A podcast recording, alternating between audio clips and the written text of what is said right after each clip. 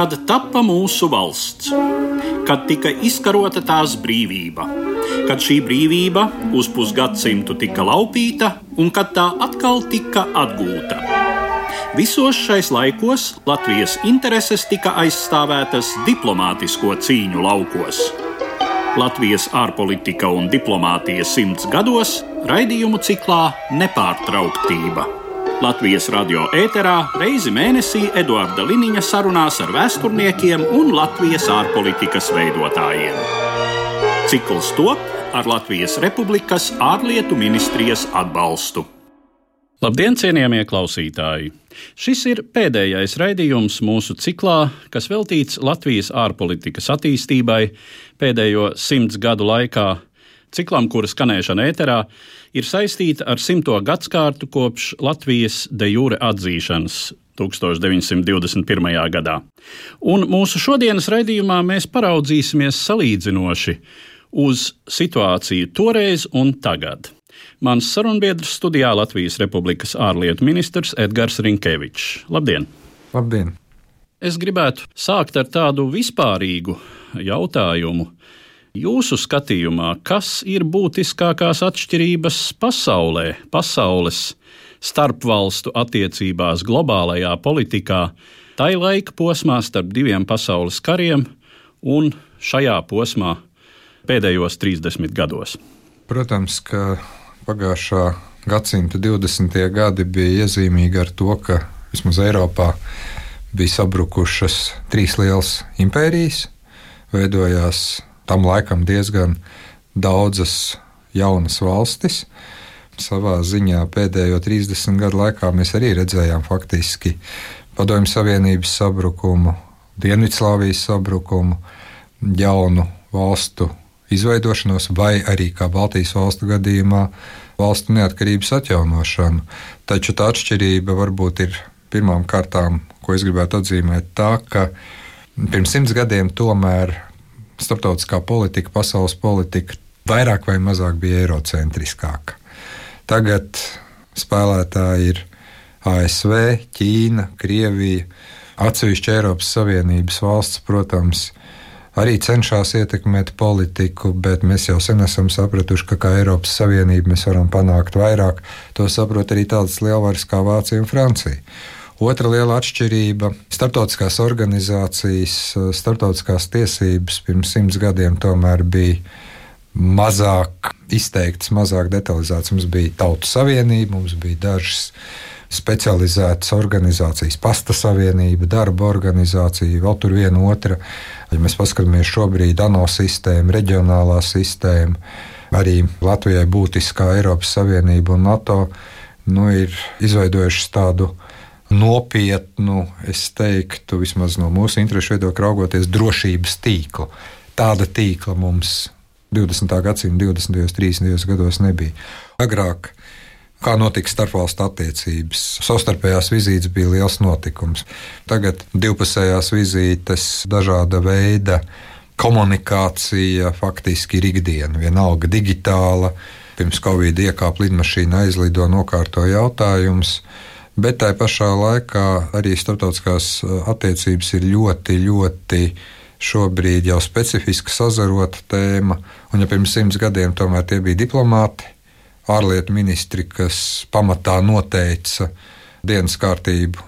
Gan arī visos jautājumos, viss, kas bija ārpus valsts, tas bija ārlietu ministru darīšana. Tad tagad nozaru ministrijas, plašāka sabiedrība, komunicē un ārlietu ministrijām vairāk ir tāda koordinējoša loma. Tā kā gan sektorāli un struktūrāli tomēr tās izmaiņas ir milzīgas, gan arī lielo spēlētāju, globālo spēlētāju loma ir dažāda. Pirms 20, 30 gadiem jūs īpaši presē daudz nelasījāt par Ķīnu, par Japānu, ko domā vai dara ASV. Bija jau ziņas, vairāk bija ko domā un dara Vācijā, Francijā, Lielbritānijā, Polijā. Tagad mēs tomēr primāri izlasām, ko ir pateicis ASV prezidents vai Ķīnas prezidents vai kāds, teiksim, Āzijas vai Latvijas valsts vadītājs, un Eiropas lietas īsti vairs nav ārlietas. Kā ir ar to, ko mēs varētu dēvēt par politikas mērķu orientieriem, par vērtību orientieriem? Es domāju, ka joprojām mēs bieži vien dzirdam viedokļus, un arī reizēm droši vien vērojam starptautiskajā politikā rīcību, kas ir tendēta vilkt atpakaļ pie simts gadus un pat varbūt vairāku gadsimtu veciem attiecību kārtošanas paņēmieniem, nu vai katrā ziņā tie viedokļi par to, ka nekas jau būtībā nav mainījies, ka politikā visu nosaka intereses, starptautiskajās attiecībās ir lielo valstu dominante. Kā tas ir jūsu skatījumā? Šī diskusija, man liekas, ir veca kā pasaule. Un arī mums pašiem Latvijas ārpolitikā sevišķi tagad ir diskusija, kur tad ir tās līdzsvars starp vērtībām un interesēm. Viens spilgts piemērs ir tāpat Baltkrievija vai Krievija. No vienas puses ir cilvēki, kas saka, mums ir stingri jāpastāv uz to, ka ir vērtība principi un nekāda tirzniecība un tirgošanās nevar būt vērtība aizstājies, un otrs puses ir cilvēki, kas saka, sēžam malā, klusiņām tirgojamies, no mums nekas nav atkarīgs. Tā pašā laikā, tad, kad diemžēl 30. gadu beigās un 1940. gadā tā starptautiskā kārtība bruka, un faktiski vienīgā valsts to brīdi kas paziņoja, ka neatzīst Baltijas valstu okupāciju un inkorporāciju Padomju Savienībā un balstījās uz vērtību principiem, bija ASV. To mēs pieminam līdz šim. Tas mums ir svarīgi, tāpēc ka tas lielā mērā atstāja iespēju mums arī vieglāk atjaunot neatkarību, kad tas laiks pienāca. Tā kā pilnībā pateikt, ka intereses rulē pāri visam un vērtību politikas nav, nevar. Bet to, ka vienmēr ir meklējumi, kur ir tas pareizais līdzsvars, Tā ir bijis, tā arī būs, es domāju. Par tām lielajām valstīm, protams, ka lielvalstis dzird, lielvalstis redz, un lielvalstīm ir iespēja starptautisko dienas kārtību ietekmēt vairāk. Bet kur gan ir tā liela atšķirība? Tieši starptautisko organizāciju, tiesību principi.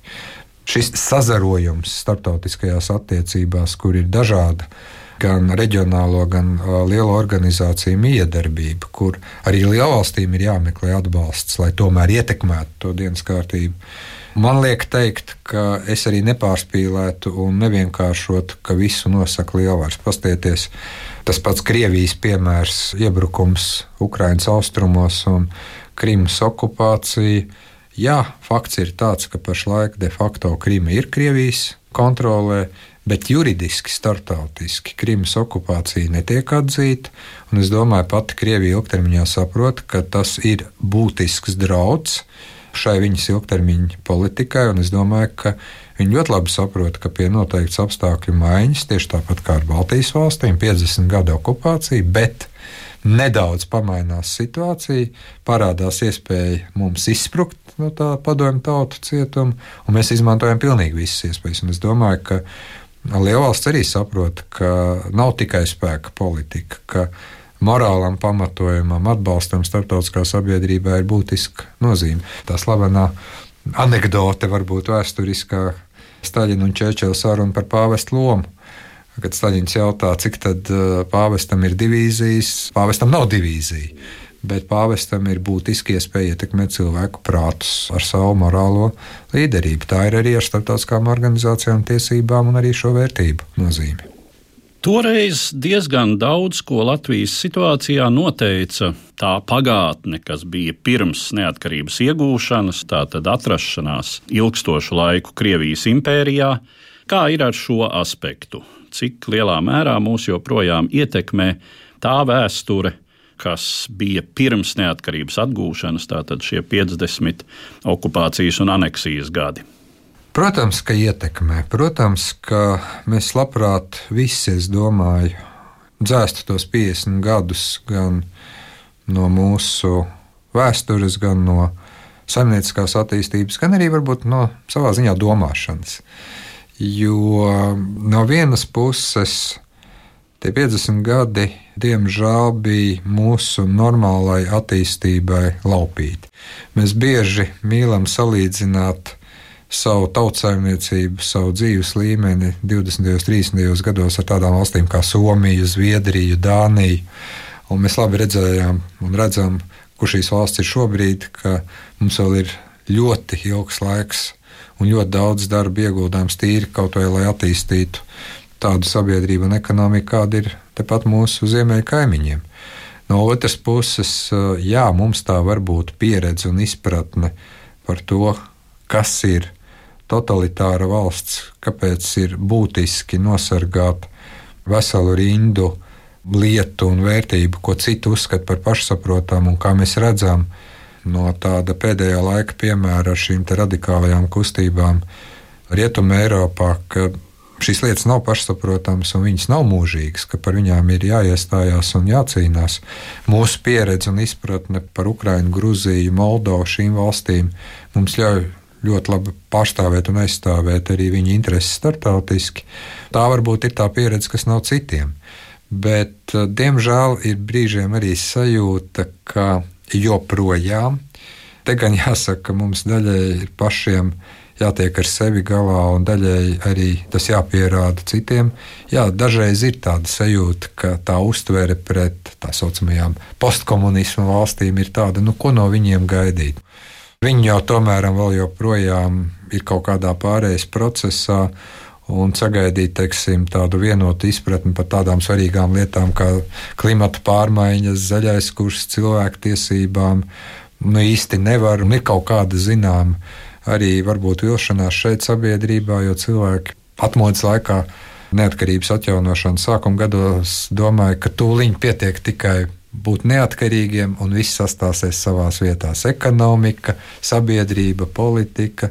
Tas ir patiesībā sakot liels darbs, bet uh, es dažreiz jūtu, ka tomēr, lai arī 30 gados ir milzīga evolūcija bijusi, bet dažreiz ir mazliet šīs mentālās atšķirības.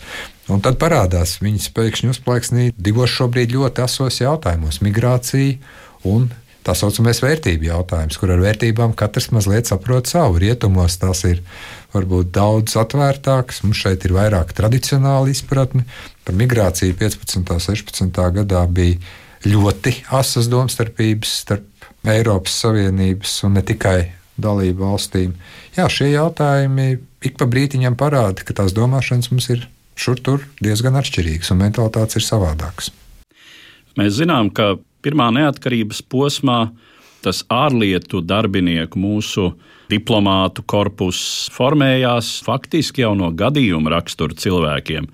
Visi tie, kuri pāris gadu laikā kļuva par sūtņiem, par ārlietu dienestu darbiniekiem, par šādu statusa maiņu vai karjeras kāpumu nevarēja iedomāties dažus gadus iepriekš. Un tie bija cilvēki, kuriem bija pieredze komercdarbā, tad bēgļu organizācijās, kara laikā. Jaunajai valstī nācās salasīt savu šo ārlietu dienestu no tiem cilvēkiem, kurus tomēr latviešiem nesevišķi pieejamā izglītības sistēma Krievijas impērijā un tā laika Eiropā varēja dot. Kā tas ir šobrīd? Kā jūs izjūtat to cilvēku resursu, kuru šodienas Latvija jums dod? Patiesībā sakot, arī neatkarību atjaunojot, par diplomātiem kļuva cilvēki no visdažādākām dzīves jomām. Pirmie vēstnieki bija ļoti jauni gados. Savā ziņā arī pirms simts gadiem pirmie vēstnieki nebija. Ap 50, 60 bija dažādi vecumi, bet kad pirmais Latvijas ārlietu ministrs bija knapi 30 gadu slieksni sasniedzis, Sikrīts Anna Mērovics. Arī neatkarību atjaunojot, mums bija Man pašam arī, gan es nebiju ārlietu ministrijas dienestā, bet aizsardzības ministrijas dienestā pat tādas jautras epizodes, kad par vēstnieku vai par augstu ierēdni tiek nozīmēti cilvēki, kuriem pat nav 30 gadu. Uz vispārējā fona tīrie bērni. Diplomātiju un politiku mācījās ne jau kaut kur kādā specializētā programmā, universitātē, bet apguva praktiski. Un uh, lielā mērā es domāju, ka gan pirms simts gadiem, gan tagad tas bija pat ļoti labi un palīdzēja Latvijai sasniegt tos mērķus, kas bija jāsasniedz pirms simts gadiem. Protams, noslēgt miera līgumu ar Padomu Krieviju, panākt de jure atzīšanu, iestāties Tautu Savienībā, stiprināt drošību. Tad mums jau pēc 90. gada, protams, panākt to, lai Latvija netiktu uzskatīta par jaunu postpadomu valsti, bet kā 1918. gada valsts turpinātāju, lai panāktu iestāšanos Eiropas Savienībā, NATO. lai panāktu Krievijas bruņoto spēku izvešanu. Es domāju, tur vajadzēja ne tikai pieredzi, bet tur vajadzēja arī tādu pozitīvā nozīmē jaunības trakumu un deksmi. Jo pirms kāda laika, es kā tagad atceros, es biju aizsardzības ministrijas valsts sekretārs. Mēs 90. gadu beigās daudz darījām, lai pierādītu, ka mēs varam būt NATO dalība valsts, un mums tevišķīgi plikšķināja uz pleca un teica, jaunie ļaudis. Vienalga, vai tie būtu jaunie diplomāti, vēstnieki, vai aizsardzības ministrijas ierēģi, vai mūsu bruņoto spēku virsnieki. Mēs jūs saprotam, bet, nu, nē, nē, jūs tur netiksiet. Nu, jūs saprotiet, mēs nevaram tracināt Krieviju, nē, nē, nē mēs jūs nevaram aizsargāt. Saprotiet, piecu gadu laikā notika neiespējamais ar to. Gan atbalstu, ko mēs jutām no daudziem sabiedrotājiem, gan ar mūsu pašu darbu, gan šeit Latvijā, gan Lietuvā, gan Igaunijā, mēs panācām. Un patiesībā sakot, skatoties tagad uz to, kā varēja pavērsties tas viss, un mēs līdzīgi kā viena otra valsts, kas joprojām klauvējās pie NATO durvīm, bet nav ielaista. Mēs būtu nonākuši daudz savādākā situācijā pirms sešiem, pieciem gadiem, kad bija visi notikumi Ukrajinā, un mēs šobrīd objektīvi esam tādā labākā situācijā. Tā kā abos gadījumos diplomātskais dienests veidojās pilnīgi no nulles. Bija kaut kādi, protams, varbūt cilvēki ar interesi par starptautiskām attiecībām, žurnālisti, komentētāji, kas arī bija, bet mums tagad ir citi jautājumi. Un es domāju, pie tā būtu nonākusi arī Latvijas valsts 40. gadu otrajā pusē, 50. gadu sākumā, ja tā eksistētu arī de facto, un ja mums būtu šī nepārtrauktā neatkarība, paudžu maiņa. Tie, kas pirms 30 gadiem bija knapi 30 gadu sasnieguši, tie palēnām aiziet. Bet mums ir Un šeit jāsaka, ka tiešām vidējās un jaunākās paudzes diplomāti ar daudz labāku izglītību, daudz labākām valodas zināšanām nekā varbūt tie, kas sāk. Bet viņiem jau ir jāiet cauri tā visa hierarhija. Tu vairs pa vēstnieku 30 gadu vecumā laikam netiksi. Nu jau tas ir tā pēc 40. Nu jau tev ir 15, 20 gadi jānostrādā. Savā ziņā tas šarms varbūt ir kādam pazudis, bet tas ir ļoti normāli. Jo Diplomātijai ir jābūt ar tradīcijām, ar skolu, ar pieredzi, un to var iegūt tikai laikā. To iemācīties nevar. Un tas ir tas, kas varbūt ir šobrīd tas lielais izaicinājums, kurš savā ziņā nebija lemts 30. gadu beigās tiem cilvēkiem, citu arī, kur daudz traģiski aizgāja bojā. Padomju Savienības komunistu represijās tika nošauta mums ārlietu ministrijā ir tāda piemiņas plāksne, kur ir ļoti daudz uzvārdu. Tas ir tas, kas mums tika laupīts. Bet tagad jā, mums ir savas jaunas, interesantas problēmas, ko risināt.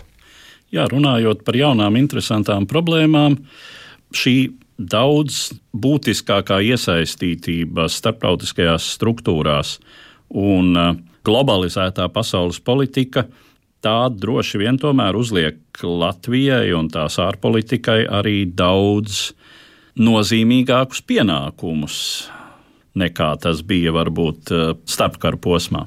Protams, ja starpkara posmā tomēr tā bija primāra divpusējā attiecību diplomātija.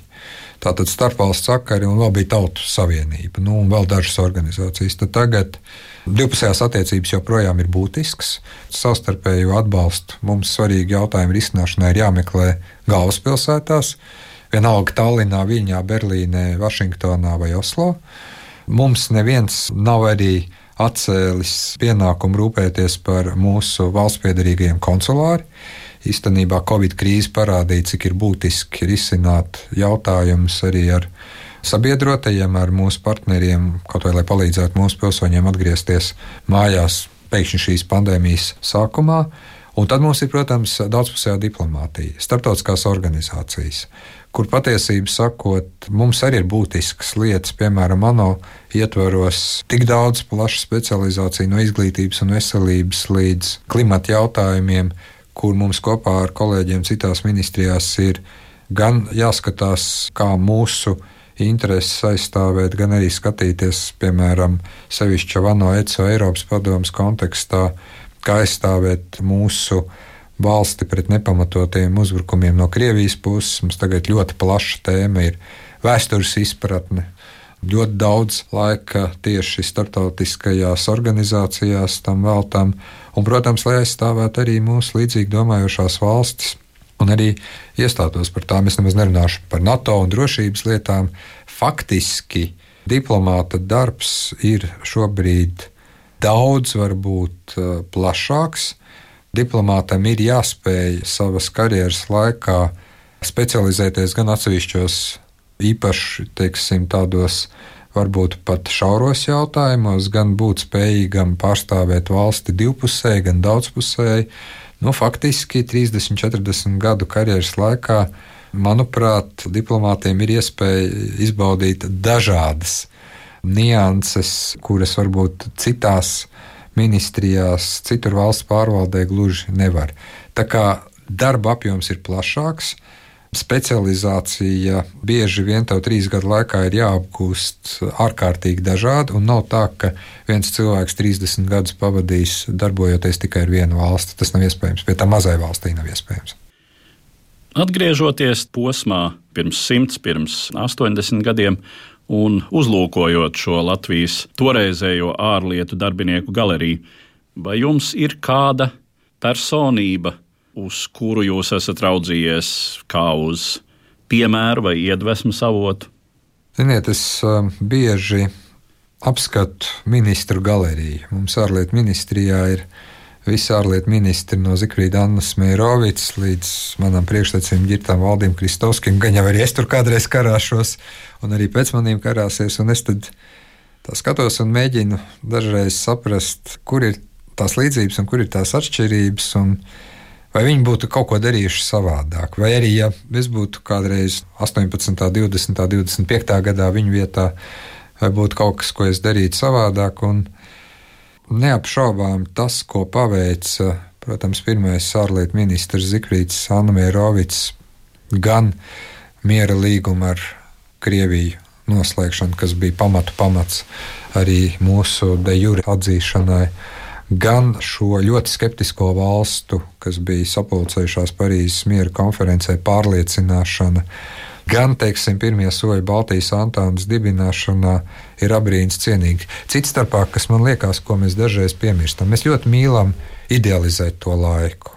Mums liekas, ka pirms simts gadiem valdīja vienprātība un visi bija lieli varoņi. Pastieties tā laika presi. Tikpat kritiska un daudz karikatūru un satīra un iznīcinoša, jo tas ir normāls process, tieši tāpat kā tagad. Tikai toreiz, laikam, neviens nepūta, nevēdēja un nestenēja, ka, nu, ziniet, pirms simts gadiem gan mums bija līderi un varoņi un valsts vīri, un tagad mums nekā nav. Pēc simts gadiem gan jau būs atkal cits skats uz tiem cilvēkiem, kas, piemēram, atjaunoja mūsu valsts neatkarību un kas īstenībā izdarīja ļoti daudz, lai mēs nokļūtu tajās starptautiskajās organizācijās, kur eh, ne visi mūs tajā brīdī redzēja. Vai ir kāds ideāls? Es noteikti, protams, redzu kā tādu paraugus, ko tiekties Zikrīda Amērovics. Jo vienkārši es varu iedomāties, kāds darbs bija jāpaveic, lai veidotu ārlietu ministriju un, un ārpolitiku. Bet tad es gribētu arī teikt, ka mums ir arī jau šobrīd, pēc neatkarības atjaunošanas, cilvēki, par kuriem es noteikti esmu pārliecināts, vēsturnieki rakstīs daudz labus vārdus, bet būtu labi arī ja laika biedri to atzītu, Georgs Andrējevs vai Rīča Freiberga kā valsts prezidents. Es gribētu teikt, ka bijušais valsts prezidents Gunts Ulmans, kurš atjaunoja prezidenta institūciju un panāca to, ka ļoti tādā šaubīgā situācijā, kur varēja izšķirties arī, ka mēs uz to Eiropas virzienu nemaz nestūrētu, viņš mobilizēja politisko atbalstu.